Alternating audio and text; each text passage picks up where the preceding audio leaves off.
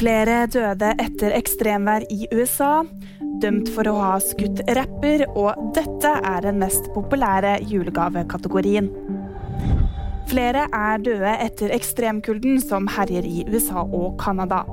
Flere titalls millioner mennesker eh, går en kald jul i møte. Fredag var 1,5 millioner uten strøm pga. uværet som herjer.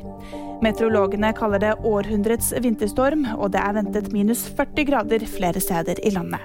Det er rapportert om flere dødsfall pga. været.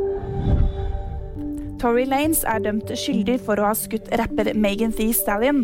Skytingen skjedde i Hollywood Hills i 2020, hvor Lanes skal ha skutt mot føttene til Stallion og bedt henne om å danse.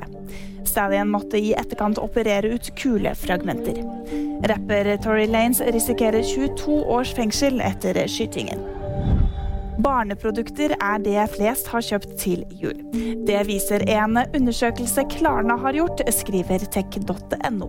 I undersøkelsen svarer 40% at de skal kjøpe barneprodukter, og på andreplass kommer elektronikk, klær og sko.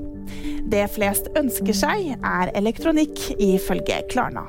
VG-nyheter fikk du av meg, Jyri Friis Edland. God jul.